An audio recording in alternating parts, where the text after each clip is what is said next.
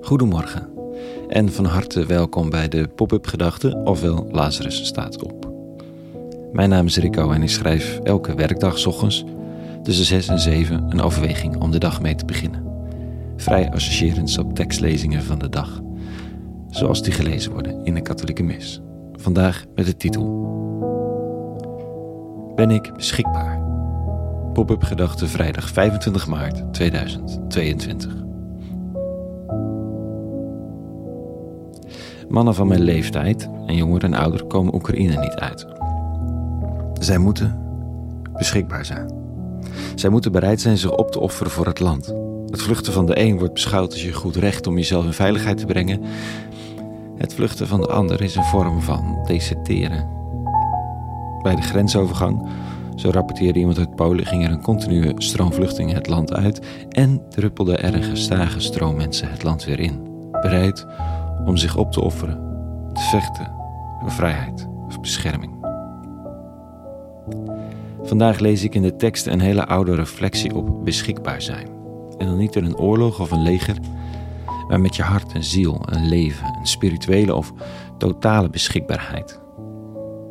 Totaal omdat spiritueel niet los te zien is van fysiek, van dagelijks. Kijk, wie gedwongen wordt te blijven in Oekraïne, kan zich innerlijk distancieren.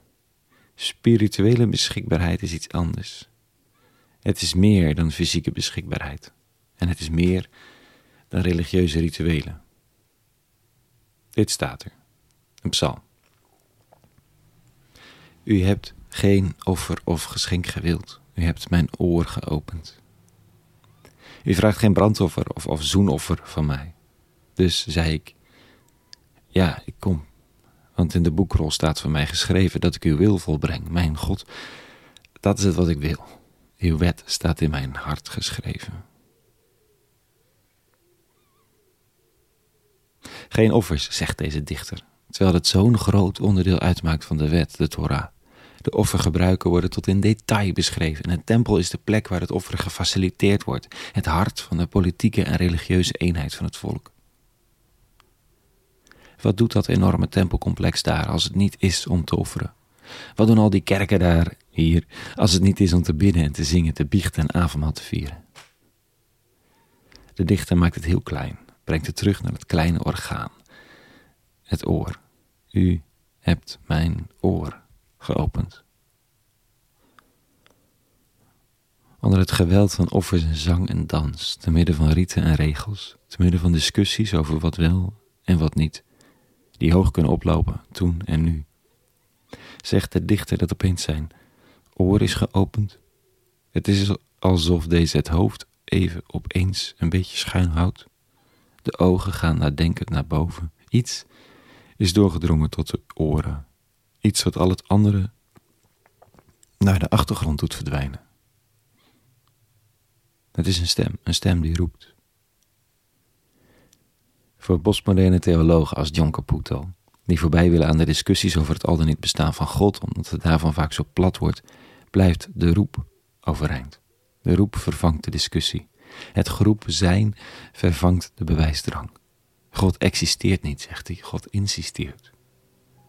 Dringt aan. Dan resoneert het geroepen zijn met het weten dat die roep voor jou is.